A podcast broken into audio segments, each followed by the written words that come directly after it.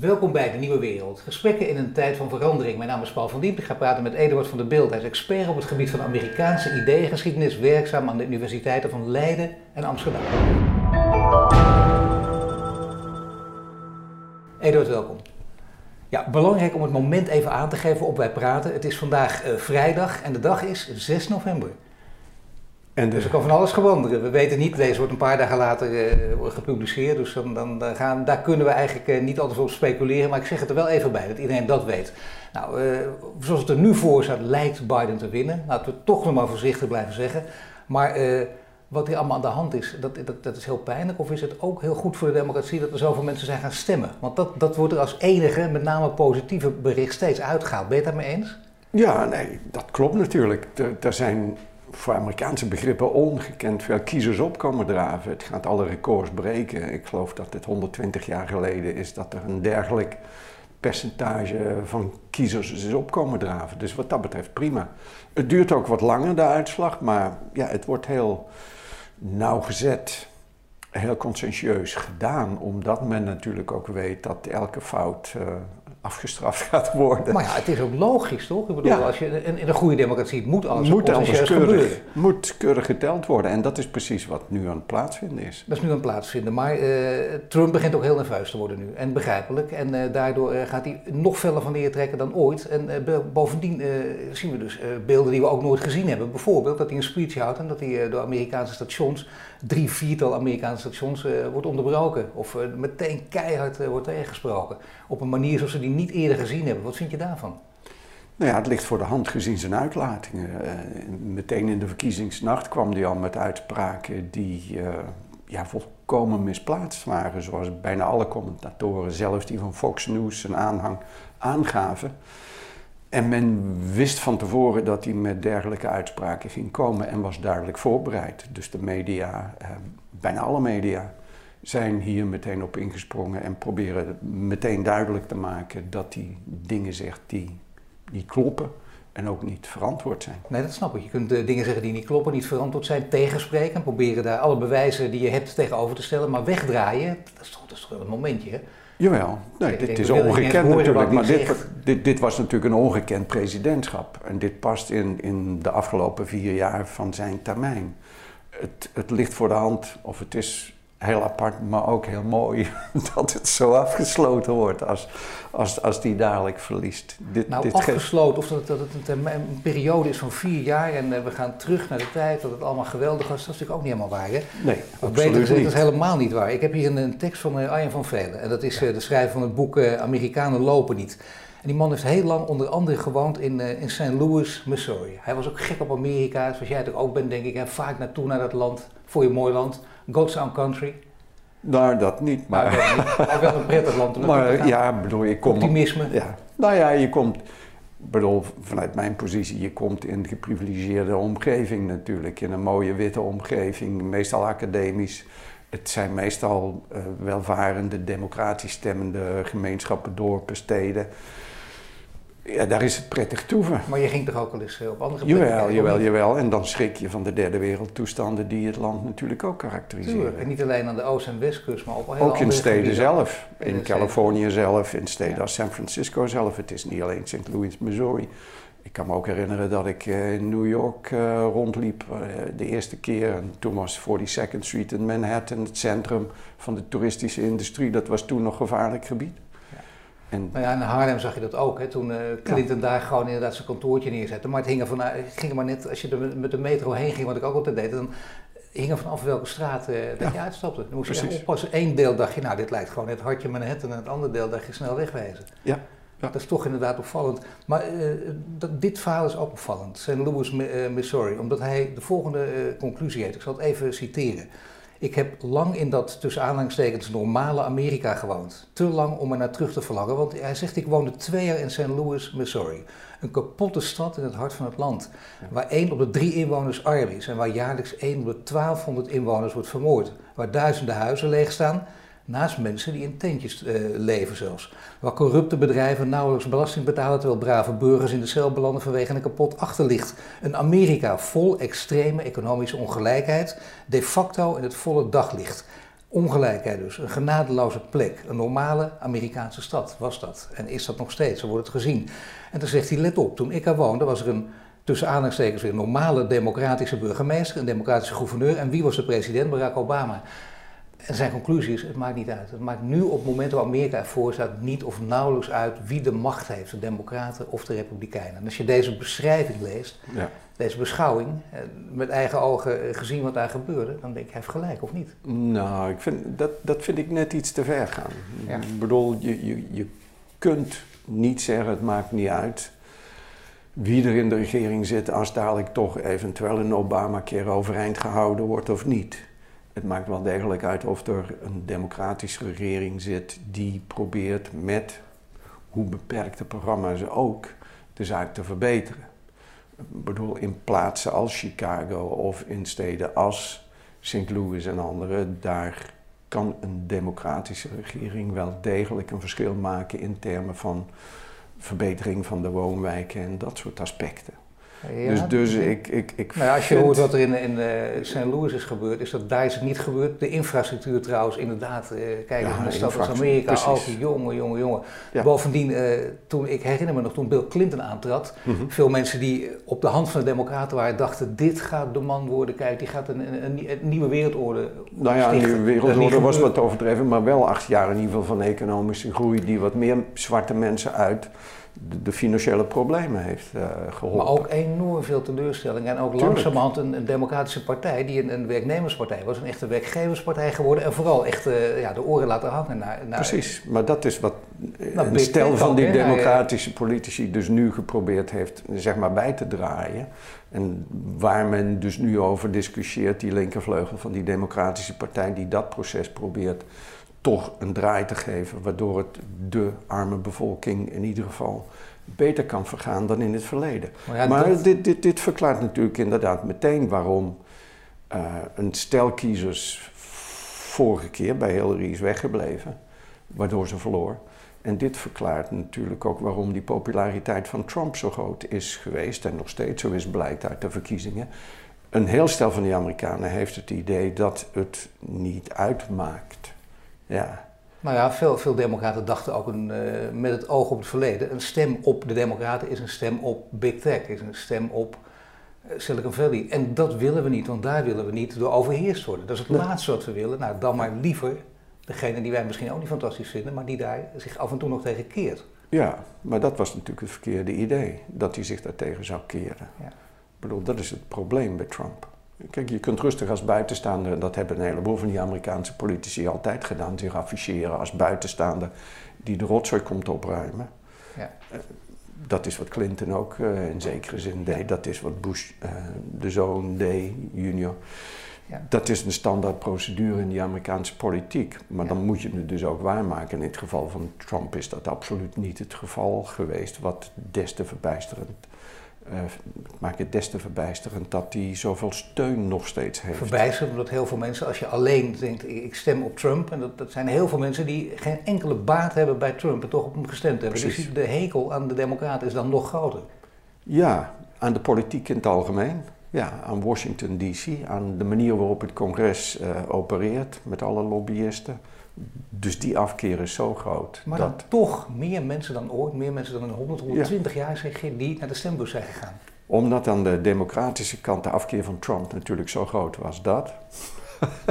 Ja, maar omdat blijkbaar die aanhang die veel hoger is, die veel groter is dan we ingeschat hebben, dan de pijlers eh, ingeschat hadden, de peilingen eh, voorspeld hadden, dus blijkbaar ook heel groot is. Nou zie je wel dat de invloed van corona is heel erg groot geweest. Uh, enigszins terugkijken denk je, nou als corona er niet was geweest, met de economie was het goed gegaan, dat had Trump helemaal kunnen toe-eigenen. En dan was de kans heel groot dat hij ook met een hele energieke campagne dat gewonnen had. Want had Biden dat aangekund?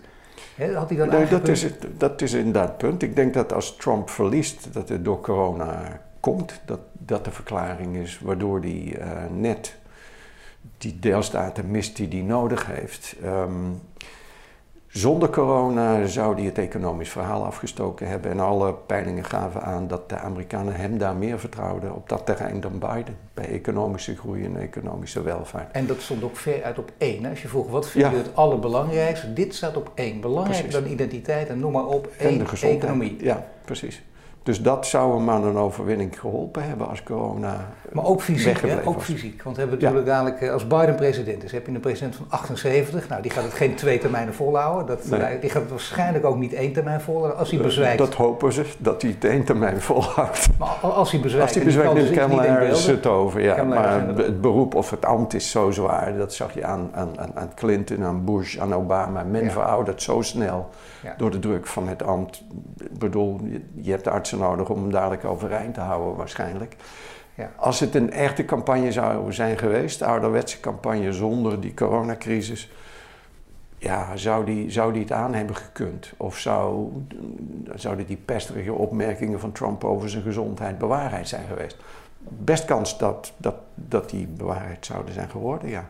Ja, maar dat was het verleden. Nu kijken we in een andere situatie en dan krijg je hoe dan ook een nog verdeelde land. Want er zijn natuurlijk ook heel veel stemmen naar de Republikeinen gegaan, nog meer stemmen naar de Democraten, zoals het er nu voor staat. Maar nek aan nek race, maar heel veel mensen die dus uh, beide echt als kemphanen tegenover elkaar staan. In zo'n maatschappij leef je dan. En bovendien, wat moet er dan gebeuren? Want de partij zelf, de Republikeinen, zijn natuurlijk enorm verdeeld. De Democraten zijn enorm verdeeld. Laten we eerst even de, de Republikeinen pakken. Ja. Want hoe gaat het met Trump? Hij heeft ook nog kinderen. Dus ze kunnen Trump nu natuurlijk opeens hè, op een normaal, ja. zo gaat het, opportunisme, dat hoort weer bij het leven. Dat gaat hier helemaal gebeuren in uitvergrote vorm. Ja. Trump terzijde schuiven en pesten, ook binnen de Republikeinse partij, voor zover je dat kan, dat uitproberen. Aan de andere kant, ja, dan kun je teruggepakt worden door uh, Donald nou Trump junior. De, de, de, de kinderen zijn al bezig geweest uh, afgelopen nacht om steun voor de vader zeg maar, te mobiliseren door te, te dreigen steun te onthouden aan vier, in 24, vier jaar eh, van nu aan de kandidaat van de Republikeinen dan. Dus het, het gedrag van die figuur, dat gaat al zeggen ze een rol spelen in 24. Hebben ze zelf politieke ambities? Er zijn genoeg verhalen dat met name Don Jr. geïnteresseerd is of Ivanka.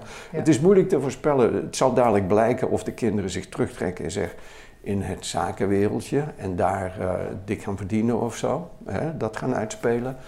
Of Ivanka en Jared Kushner teruggaan naar uh, New York, wat men niet verwacht. De, de, de, Republikeinse Partij is op het moment moeilijk in te schatten, want zijn ze blij dat die lastpost in zekere zin eindelijk weg is? Of zeggen ze, die blijft zo, dat blijft zo'n stemmentrekker, daar kunnen we ons niet van distancieren. En dat geldt dus ook uh, voor zijn kinderen? Ook al, uh, ja, ja, ja, ook al is natuurlijk het probleem dat bij de kinderen, ja, het, het, het klinkt heel raar, het charisma van een vader toch veel minder aanwezig is uh, ja. dan, het, dan je zou maar de Republikeinen kunnen niet zomaar afscheid nemen van Trump, want dan nemen ze nee. afscheid van een man waar heel veel mensen op gestemd hebben. Precies. Ik bedoel, dat, dat geven op het moment, dus zelfs democratische politici, oud-politici ook openlijk toe. Wat hun kritiek op Trump op het moment ook is, en ze vinden hem bizar, corrupt, incompetent, ondemocratisch, de bekende dingen.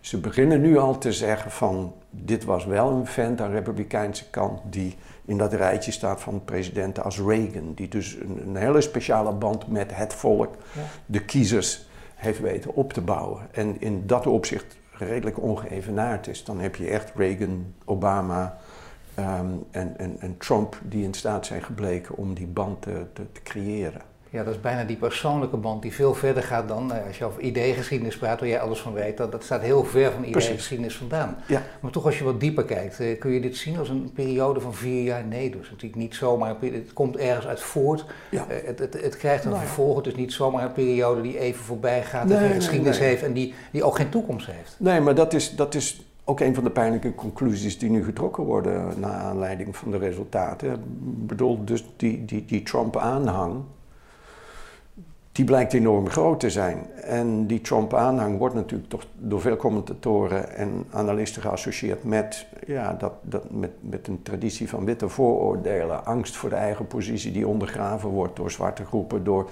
door modernere opvattingen over vrouwen en door immigrantengroepen. Dus die wordt geassocieerd met toch een traditie van, van, van vooroordelen waarvan je hoopte dat het maar tijdelijk aanwezig was. En dat is wat nu veel commentatoren ook zeggen. Het is een enorm trieste uitslag, want het blijkt dat Trump, dat was niet even een kleine aberratie in de geschiedenis, een kleine afwijking. Dit past in de geschiedenis van een ja, met name Republikeinse partij die op dit soort gevoelens al jaren inspeelt.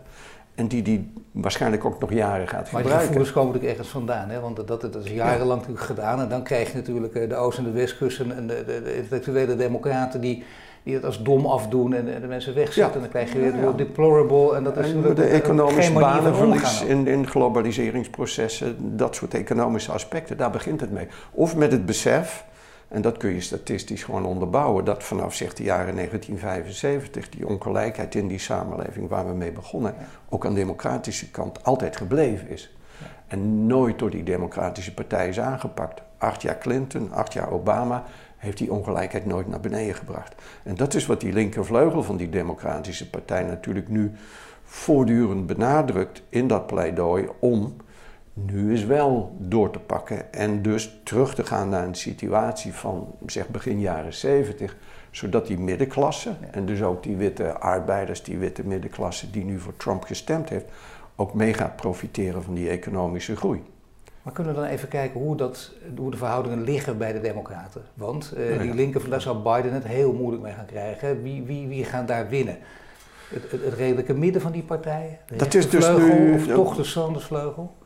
Ja, die Sanders-vleugel, Sanders-vleugel. die, die, die, ja, die heeft zich natuurlijk nu in de problemen gewerkt.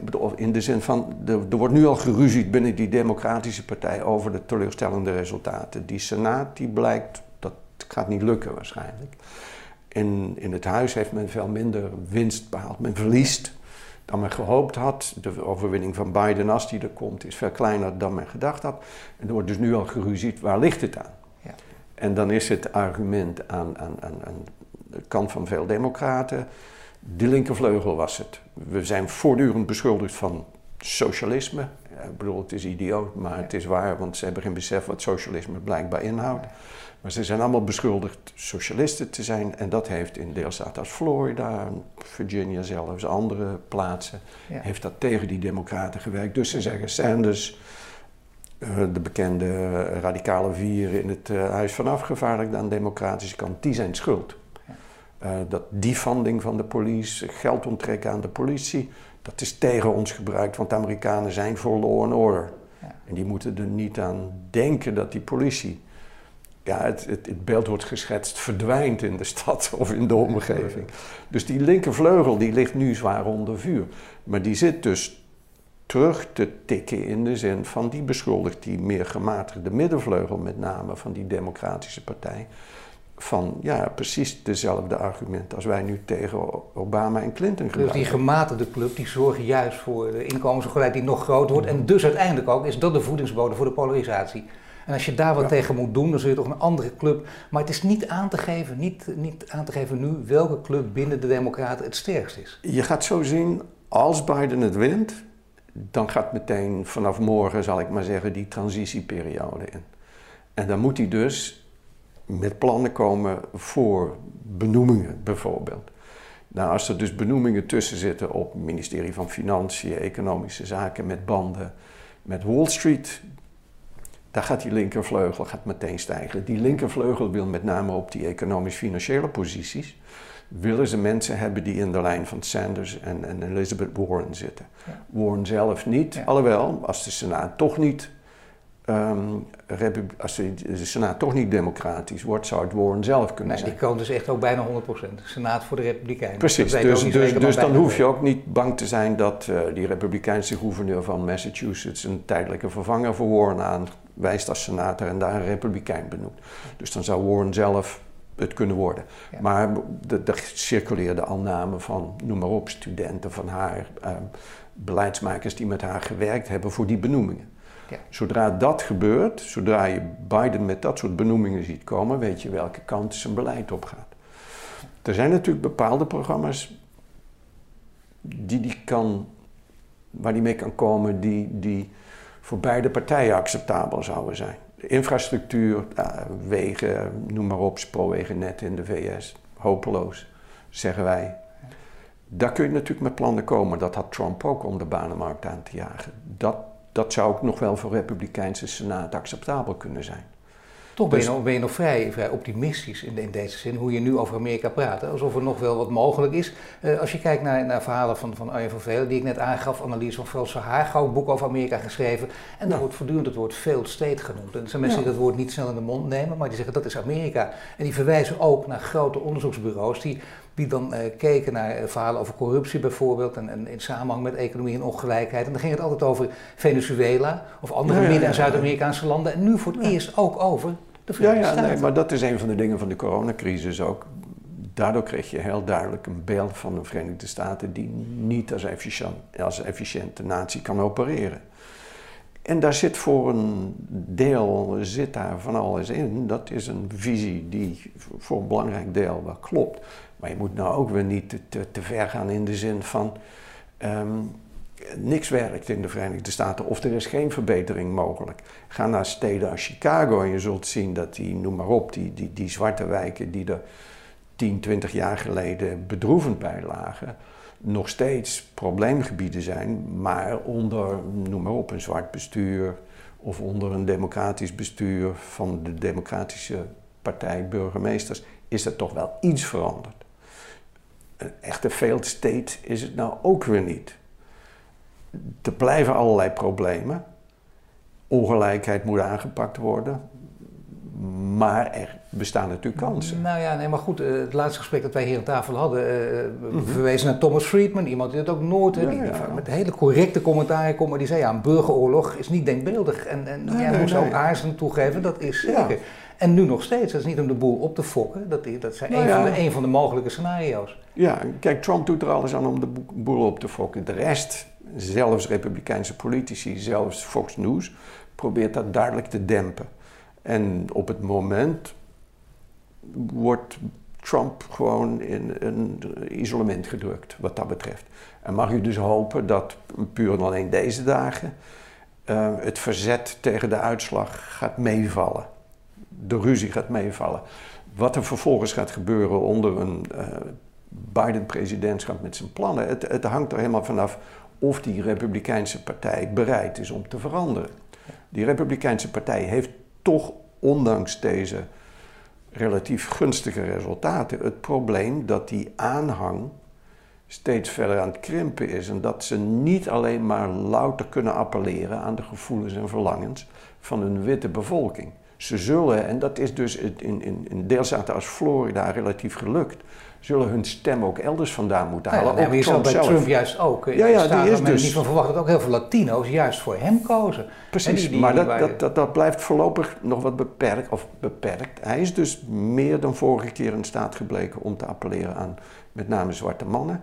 Um, en met name aan de Latinx-bevolking in Florida. Maar dan zijn het vooral dat wisten we al, conservatieve Cubaanse Amerikanen. Ja, maar je hoort ook onder de zwarte bevolking ook zeggen, hey, je moet ons niet over één kamp scheren. Dat, dat, dat, is ja, ja. Ook, dat is ook een vorm van, van Precies. Uh, dat zou bijna ook omgekeerd racisme. Dat, je dat, zijn, dat zijn per definitie democraten. Dat zou ook, nou ja, dat ik, blijkt wel. zwarte man was ook heel kwaad hoor. Ik denk, wacht eens even, dat is gewoon niet waar. Nou ja, maar die zwarte mannen hebben verder, of die zwarte hebben binnen die Republikeinse partij natuurlijk toch heel weinig te zoeken. Dan, dan, dan moeten er plannen komen, ook aan de Republikeinse kant, om in de huisvestingssituatie, de woonsituatie en de banenmarkt van die zwarte met dramatische verbeteringen te komen. En die hebben ze nooit gehad. Wat ze alleen nog aan het doen zijn is een van de weinige verworvenheden van een Obama-regering, eh, Obamacare, eh, onderuit schoffelen. Dat werkt niet. En bovendien eh, een retoriek loslaten op die zwarte... Nee, maar er zijn natuurlijk wel genoeg rolmodellen. Hè. Ze zitten op allerlei posities. Laat naar Kamala Harris toen het over racisme ging. Je weet het nog, in de, in de, de, de, voorverkiezingen, toen heeft ze notabene haar Joe Biden ook beschuldigd van racisme. Weet, weet je nog, Joe, toen? Dus ja, dat is uh, toch altijd uh, een hele, hele, hele lastige, vervelende discussie. Ja, maar die, die Republikeinen zullen toch op een andere manier dan ze tot nu toe gedaan hebben, hun electoraat moeten uitbreiden. Ik bedoel, de cijfers zijn nog niet binnen. Maar er is een langzaam dalende lijn voor het aantal witte stemmers dat meedoet in die verkiezingen. En die dalende lijn die gaat zich gewoon gestaag doorzetten. Natuurlijk, maar ik bedoel met de vervelende discussie is wat is waar en wat is framing. Ook hier weer natuurlijk. Hè. Uh, je kunt ook naar rolmodellen kijken. Kamala Harris kan, uh, we, we, concluderen net al dat Joe Biden uh, bezwijkt. Nou ja, gezien zijn leeftijd en zijn fragiele situatie is dat niet denkbeeldig. Dan, -huh. dan is daar een, dat is geen witte vrouw hè, die daar dan de macht neemt. Nee, dat is, dus dat, dat is voor democratische kiezers is dat natuurlijk een pre. Dat In Nederland hebben we dat nooit gezien, weet je. Dus nee, dat dus dat zou, uh, dat zou natuurlijk uh, behoorlijk apart zijn. Nu is er nog iets in, uh, in Amerika. Kijk, we krijgen met een, met een overgangsperiode te maken. Dat is altijd zo. Hè? Uh, mm-hmm. Hoe dan ook, de president, wat er al gebeurt, blijft zitten tot 20 januari. 20 januari. En we praten nu, nogmaals, 6 november. Het zou kunnen. Dat is een geweldig gesprek als dadelijk blijkt dat Trump toch gewonnen En dat is, dat is we zijn al vaak gelogen gestraft. We moeten alle scenario's onder ogen zien. Dat kan ook. Maar we gaan er nu van uit, omdat die cijfers wel heel erg op wijzen dat Trump nu, en ook de echte cijfers, geen opiniepeilingen, dat, uh, dat Trump uh, het beltje bij neer moet leggen, dan blijft hij wel tot, hoe dan ook, tot 20 januari president. En wat kan hij in die periode nog doen als hij het zo sterk, zichzelf zo sterk mogelijk wil maken? Ja, zo sterk mogelijk maken, dat, daar, daar is weinig sprake van. Wat hij zal doen is, en daar is hij mee begonnen, rechtszaken die gaan, gaan proberen het resultaat uh, ter discussie te stellen. De vraag is gewoon in hoeverre gaat zijn omgeving, zijn directe omgeving daarin mee, in hoeverre krijgen ze hem houden ze hem in bedwang wat, uh, noem maar op, excessieve uitspraken of het aanzwengelen van rechtszaken betreft. Nou ja, maar daar bedoel ik, als hij probeert zichzelf in die periode die er staat, die, waarin hij zwak is, maar waarin hij probeert zo sterk mogelijk te worden, iemand die, die duidelijk zijn leven lang niet tegen verlies kan en op een extreme manier, wat gaat hij doen om te proberen er zo goed mogelijk uit te komen? Wat kan hij tot die periode, want dan heeft hij nog steeds de macht, tot 20 januari, wat kan hij in die periode dus doen? Niet zoveel, toch? Hij kan herrie schoppen, hij kan verwarring creëren. Hij kan een stel oude kennissen die in rechtszaken veroordeeld zijn, kan die gratie verlenen. Maar als het goed is, ja. uh, houdt men hem in het gareel en zegt men hem om rustig naar een nette transitieperiode of door een nette transitieperiode. En er staat er misschien wel wat tegenover. Dat we zeggen, nou, dan zullen we een aantal rechtszaken tegen jou gewoon niet doorvoeren. Nou, dat, weet ik niet of dat, of dat soort uitruil gaat plaatsvinden. Want in New York, uh, een van de plekken natuurlijk waar een stel van die rechtszaken spelen, zal men gewoon doorgaan. het, leuke is om te gaan speculeren, wat, wat, wat gaat er dadelijk met, wat gaat hij zelf doen? En wat gaat er met hem gebeuren zodra Biden uh, eventueel daar in dat Witte Huis zit? Maar wat gaat hij zelf doen? Uh, zou hij, is, is het denkbaar dat hij ook nog achter slot en grendel uh, belandt? Dat zou kunnen als hij dadelijk veroordeeld wordt in een van de vele rechtszaken die spelen. De, de, en dan moet hij gratie krijgen van Joe Biden. Dat nou ja, dan, dan, dan, dan zal er druk zijn op Joe Biden om uh, in dit gepolariseerde politieke klimaat bijvoorbeeld dan maar gratie te verlenen. Dat, dat is een van de mogelijkheden. Wat ooit gebeurd is, hè? Met, uh, met Fort Nixon. Uh, dus dan, dan zou Biden in de, de, wat moeilijke positie geplaatst worden waarin hij dat soort beslissingen moet nemen, inderdaad. Omdat er ongetwijfeld een beroep wordt gedaan op hem om dan de spanning in de samenleving naar beneden te brengen. Want zodra je natuurlijk. Ja, op zich is dat natuurlijk heel ironisch gezien het feit dat Trump en zijn aanhang voortdurend over lok hem op, hij sluit ze op in het geval van Hillary en, en, en, en Biden zelf had, wordt er nou opeens de zaken omgedraaid in een rolverdeling die eigenlijk precies hetzelfde doet. Eh, dat soort grappen. En dan Stel dat, dat, hij, dat hij of gratie krijgt of dat, dat er gewoon niks gebeurt en dat hij die rechtszaken wint of in ieder geval niet verliest en dat hij gewoon uh, door kan gaan. Wat kan hij nog doen? Want hij roept steeds en laat het ook zien dat hij die energie heeft. Dat zal niemand ontkennen, dus wat kan hij nog gaan doen? Eigen tv-station oprichten bijvoorbeeld bij Fox. dat zou ja, dat, dat zijn ook zo'n vrienden, echte vrienden niet meer. Ja, de helft wel, de helft niet meer. nee, ik bedoel, dus dat is een van die speculaties. Wat gaat hij doen? Blijft hij politiek betrokken of is hij toch te oud? Is dadelijk de fut eruit? Kijk, er zijn natuurlijk al altijd al verhalen geweest vanaf dag één dat hij als president, uh, ik bedoel, veel minder hard werkte dan zijn voorgangers. Hoe heeft hij vier jaar overleefd? Zo te zien redelijk hè, zonder kleerscheuren qua gezondheid. Omdat, het, omdat hij veel minder hard werkte, zeggen natuurlijk de critici, dan zijn voorgangers. Blijft hij politiek betrokken of gaat hij zich toch weer richten op eh, zijn zakenleven? Uh, krijgt hij zoveel problemen die door kranten als de New York Times voorspeld werden met de bankiers die hem gefinancierd hebben, met de leningen die hij terug moet betalen? Gaat hij zich daarop richten? Of gaat hij inderdaad de entertainmentindustrie in? Of, of... Hij lijkt me geen man voor de achtergrond. Hè? Dus uh, je zou zeggen, ja, hij gaat eerder kiezen voor die entertainmentindustrie als hij die energie nog heeft. Als hij die energie heeft, dat is de vraag, ja. ja en, en, dan kun je dus ook een flinke macht aanwenden.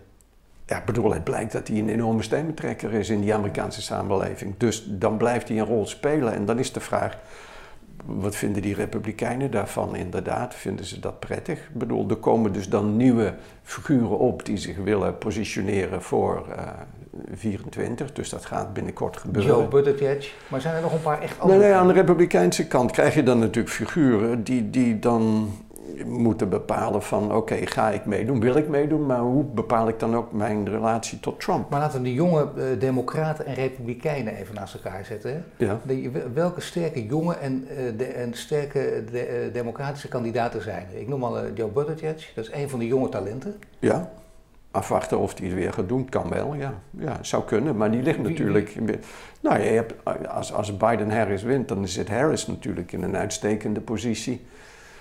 En dan moet Buttigieg even wachten voordat hij de, de, grote democratische president kan worden. Ik bedoel, Buttigieg kan, Buttigieg kan makkelijk dadelijk gewoon minister in het kabinet. Daar, daar is eerder sprake van. Dat zou nu al kunnen. Ja, dus dat kan gewoon zonder meer. Dat is een van de namen die genoemd worden. Naast uh, Warren, gewoon een stel van de tegenkandidaten van Biden, die worden nu al genoemd uh, als mogelijke figuren voor ministersposten. En wat zijn sterke republikeinse kandidaten? zo'n sterke republikeinen die, die op een hele handige manier zowel het kamp uh, Trump als het andere kamp weten te binden. En dus ja, dat laatste is, de, is de vraag. Maar de namen die, die rondgaan, waarover gespeculeerd wordt, zijn natuurlijk vooral de Florida-politici. De, de, huidige gouverneur DeSantis, ja. die zich heel handig heeft gepositioneerd. Ja. Die, die kan zeggen, ja. ik heb de deelstaat hè, gebracht. Als, als, als Florida op de eerste avond en met gemengde kiezers, met, Latino's. Precies, de bevolking die, dus die, die een afspiegeling is van de hele samenleving, precies. Dus dat is een hele sterke kandidaat. Um, maar de, de, de andere senator uh, van, de, een van de twee senatoren van, van uh, Florida, die Scott, die al jaren, uh, zeg maar, de, de, de grote tegenkandidaat bij de Republikeinse Partij in Florida is, die heeft ook ambities. Ja. Dus dan krijg je daar een enorme ruzie. Maar een soort Republikeinse Buttigieg is die er ook? Die zal er wel komen, maar op het moment weten we het nog niet. Dat hebben we nog, nog, nog weinig zicht op. Nu kun je uh, over ideeëngeschiedenis praten. Dat kun je vooral met jou, want dat, dat is jouw specialisme ook. Ja. En uh, de vorige keer heb je, heb je een poging gewaagd om Trump in die ideeëngeschiedenis te plaatsen. Als je Biden in die ideeëngeschiedenis moet plaatsen, hoe, hoe, waar, waar staat hij dan? Nou, kijk, als je hem binnen die Amerikaanse politieke geschiedenis daar wil plaatsen, dan kun je hem natuurlijk in die FDR, in de New Deal-traditie gaan plaatsen. Maar er zijn allerlei manieren om Biden te gaan duiden. Ik bedoel, als je gaat kijken naar de verkiezingen, waarom heeft hij gewonnen, dan, dan wordt het concept empathie wordt heel veel gehanteerd om te laten zien waarom hij aangeslagen is bij, bij veel kiezers. Hij, hij trekt. Ja. Hij trekt kiezers aan vanwege zijn eigen biografie, de, de, de, de, de rampen in zijn leven. Relatief gewone afkomst, hij weet wat dat soort dingen. Hij, hij is een man van het volk. Precies. dat werd tegen hem gebruikt niet, met zijn poot in de modder gestaan. Daar, daar zitten elementen waar je mee kunt gaan spelen. Onderdeel dus, van het establishment zijn leven lang. Populisme speelt hier in deze discussies een rol. Wat je ook kunt gaan doen naar aanleiding van deze verkiezingsuitslag is gaan praten over democratie en noem maar op de ficties die allemaal spelen in democratie. Publieke opinie, goed burgerschap, uh, dat soort dingen. Is het gebaseerd op rationele discussies en rationele conversaties en oplossingen? Of is het gebaseerd op vooroordelen, paranoïde figuren die naar de stembus komen? Dus je krijgt daar een hele leuke discussie over over democratie en eh, de, de, de, de basis daarvan. Nou, dat is een hele belangrijke discussie zelfs. Ja. En uh, zeker als, als dat ook tot verbeteringen zou kunnen leiden. Want dan krijg je, dan, door zoveel mensen wordt natuurlijk ook deze tijd aangegrepen, corona, als een, een breuk. Waardoor je dus ook uh, veranderingen in, in hoger tempo kunt brengen. Je kunt ze echt versnellen, de transitie kun je gaan versnellen. Ja. Zou dat hier ook kunnen in dit geval? Als het gaat over democratie, kun je dus met andere woorden echt serieuze verbeteringen aanbrengen? Nou ja, dat is natuurlijk veel gevraagd dan uh, van, de, van de eventuele nieuwe Biden-administration. Ja, maar zou je iets kunnen... ja, ja, Kijk, jij kan hier de Nobelprijs mee winnen als je hier niet gewoon het blauwdruk neer zou leggen. Maar dat vraag ik niet aan je. Maar gewoon wel, zou, zou je een paar voorbeelden kunnen geven hoe die democratie veel sterker kan worden? Nou, er wordt natuurlijk in eerste instantie dadelijk weer gesproken. We gaan ervan uit dat Biden toch nog wint. Maar als, die, als het toch nog verkeerd valt, dan heb je natuurlijk voor de zoveelste keer binnen een afgelopen korte periode dat dat Electoral College niet functioneert. Dus dan wordt daar gesproken over democratisering. Er wordt over die. Kijk, we hebben het over de betrokkenheid van veel kiezers die opkomen draven. Je, je, je krijgt veel meer van dat activisme op deelstaat, decentraal niveau. Dat gehanteerd wordt om hier veranderingen in die samenleving teweeg te brengen. En wat dat betreft, bedoel, daarom ook dat ik zeg wat hoopgevender ben dan, dan dit soort commentaren over veel state en dergelijke. Het zou heel mooi zijn als Georgia dadelijk de staat is die de doorslag geeft of dadelijk meldt dat, dat Biden gewonnen heeft. Georgia is een van die staten met een enorm zwarte bevolking en probleemgebieden. Waar op deelstaatniveau en op lokaal niveau enorm veel activisme ontstaan is in zwarte gemeenschappen en dergelijke. Ik bedoel, in zekere zin zijn dat de manieren om die Amerikaanse samenleving, zeker lokaal in urbane gebieden, in stadsgebieden, te verbeteren. Maar wel, wel hoe dan ook een twee-partijenstelsel in stand houden. Want daar wordt ja. altijd over gedacht. Wij in Nederland uh, mopperen ook steeds. Al die partijtjes, die versplintering, pas op, dat is vervelend. En, en al dat, dat, dat, uh, dat, dat uh, verschrikkelijke gedoe met elkaar en steeds maar overleggen en dat gepolder en daar houden we niet van. En eh, als het in Amerika fout gaat, dan, dan omarmen we dat weer. En dan zeggen we juist, nou dat is een, misschien een model waar de Amerikanen over uh, na zouden moeten denken. Zou je dat kunnen uitbreiden van twee tot drie of vier partijen? Of is dat echt ondenkbaar als je die hele ideeëngeschiedenis bekijkt? Nee, ondenkbaar niet. Maar de, de, geschiedenis van al die derde partijen is er niet een van, van enorme successen. Wat nee, heet. het uit te drukken. Ja. ja, maar daarom dat ik ook zeg, van het, het is niet op nationaal niveau. Op nationaal niveau zijn die twee grote partijen. Zijn, dat blijft ook gewoon... Dat, die, die, die zijn in staat... Om dat te veranderen, denk je? je ja, heel lastig. Dan heb je een organisatie gehad nodig in een heleboel deelstaten in die Verenigde Staten, waardoor dat mogelijk is. Maar dat is tot nu toe is dat steeds, is dat steeds mislukt. Maar daarom ook dat op, ik bedoel, de, de grote vraag is: wat gaat er in die Republikeinse partij gebeuren? Is die meer bereid zich te hervormen? Um, daarnaast zijn het echt meer die lokale, decentrale activistische groepen. En dat is het goede nieuws van, van, van Trump-jaren ook. En dat verklaart voor een deel ook die opkomst bij deze verkiezingen, die zich veel beter zijn gaan organiseren. Ja. En die dus, en dat kan in New York radicaal links zijn, in een stad als New York, of in Virginia wat meer mainstream.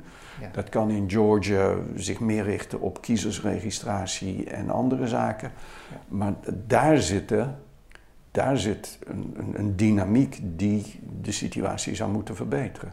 Ja, sowieso is het natuurlijk altijd eh, de verhouding tussen de, de, de, de federale overheid en eh, de deelstaten ja. Uh, ja, belangrijk geweest. En, maar ook altijd ook weer een reden om tot polarisatie over te gaan. want als het bijvoorbeeld over klimaat gaat, dan zegt iedereen, ja, dan krijg je een heel ander beleid nu onder Biden dan onder Trump. Maar dat is toch volgens mij allemaal geregeld nou. door, door de deelstaten? Nou, nee, kijk, ik denk dat ze op klimaatgebied wel gelijk hebben. In de zin van, daar kun je met uh, sowieso een heleboel van die maatregelen die Trump heeft genomen om wat Obama aan regels uh, gebracht had uh, te ondergraven. Terug via, gaat dat kan, van dat, dat, weer weer terug. Precies, dat werd al ondergraven door rechtszaken die aangespannen waren door, noem maar op, Democratische Partij, Milieubewegingen, et cetera. Hier kan Biden heel gemakkelijk met uh, wat dan executive orders heet, uh, maatregelen van bestuur zal ik maar zeggen, kan die de zaak terugdraaien en gewoon weer op poten zetten. En dan kan die aansluiten bij wat er in deelstaatwetgeving, Californië en zo. Dus daar heeft hij het relatief makkelijk. Zodra we gaan praten over belastingmaatregelen die de ongelijkheid in die samenleving uh, moeten verminderen, daar zit hij met het probleem van een Republikeinse Senaat waarschijnlijk. En, en, en dat maakt dat problematisch. Toch kun je zeggen voor de komende jaren, alles, er ligt heel veel op het bord, heel veel grote verhalen. Het belangrijkste verhaal is dan toch ook hier de ongelijkheid, omdat daar echt, ja. dat, dat is echt de basis voor alles. Ook de basis voor de polarisatie, denk je? De angst voor banenverlies inderdaad, economische situatie en ongelijkheid. Ja. Nou, daarnaast is natuurlijk toch die polarisatie ook door, ja, noem het ouderwets kleurtegenstellingen. En, en daar moet toch ook aan gewerkt worden. Dat, dat, dat, dat, blijft een punt, dat blijft een, een, een heel heikel punt in deze discussie. Um, waar men natuurlijk tijdens Obama, door Obama, even heel positief over heeft gedacht. Maar waarbij al tijdens Obama duidelijk werd, er zit hier een traditie van racisme en vooroordelen die nog steeds zo sterk is. Heeft Obama niets aan gedaan of kunnen doen? Dat zagen we ook in Louisiana. Het voorbeeld van Van Velen uh, geeft het aan. Nou ja, daar heeft hij, dat is ook de kritiek op hem, met name van Zwarte Kant. Daar heeft hij te weinig aan gedaan. Daar is hij te laat mee begonnen, inderdaad. Uit de angst. Ik bedoel, Obama was een van die figuren die, die zich als bruggenbouwer positioneerde. En hij had heus wel kritiek uh, op de witte samenleving uh, in, in, dit soort punten. Ga naar sommige van zijn speeches kijken. Maar hij heeft daar inderdaad te weinig weten te realiseren. Um, en dat is natuurlijk toch een van de punten waar nu aan gewerkt moet worden. Dan uh, de mogelijkheid die, die altijd nog open blijft, dat, dat wil zeggen van het moment van ons gesprek, uh, is dat, uh, dat, Trump gaat winnen en dat ja. Trump ook vier jaar aanblijft. Die kans dat hij die, vier, ja. die tweede termijn nog volhoudt is groter dan ja. de kans dat hij ja, volhoudt. Dat mag je zeggen. Ja. Puur fysiek. Ja, maar kan Amerika het aan? Dat is de vraag. Nou ja, dat is de vraag. Nou ja, nee, bedoel, dan, dan, dan wordt de zaak nog verder gepolariseerd op, op, op een manier, ja, dat een heleboel van de commentatoren die durven daar niet eens uitspraken over te doen of die zijn veel te bang om daarover na te denken. Maar jij bent niet bang, jij durft wat denk jij? Dan denk je dat die burgeroorlog echt gaat komen? Nou, maar dat kan nu al. Nee, ik bedoel, nee, want dan zijn de, de, de meest bewapende groepen, die, die houden zich stil, zou je kunnen zeggen. Ja. De groepen van wie je het meest zou kunnen verwachten.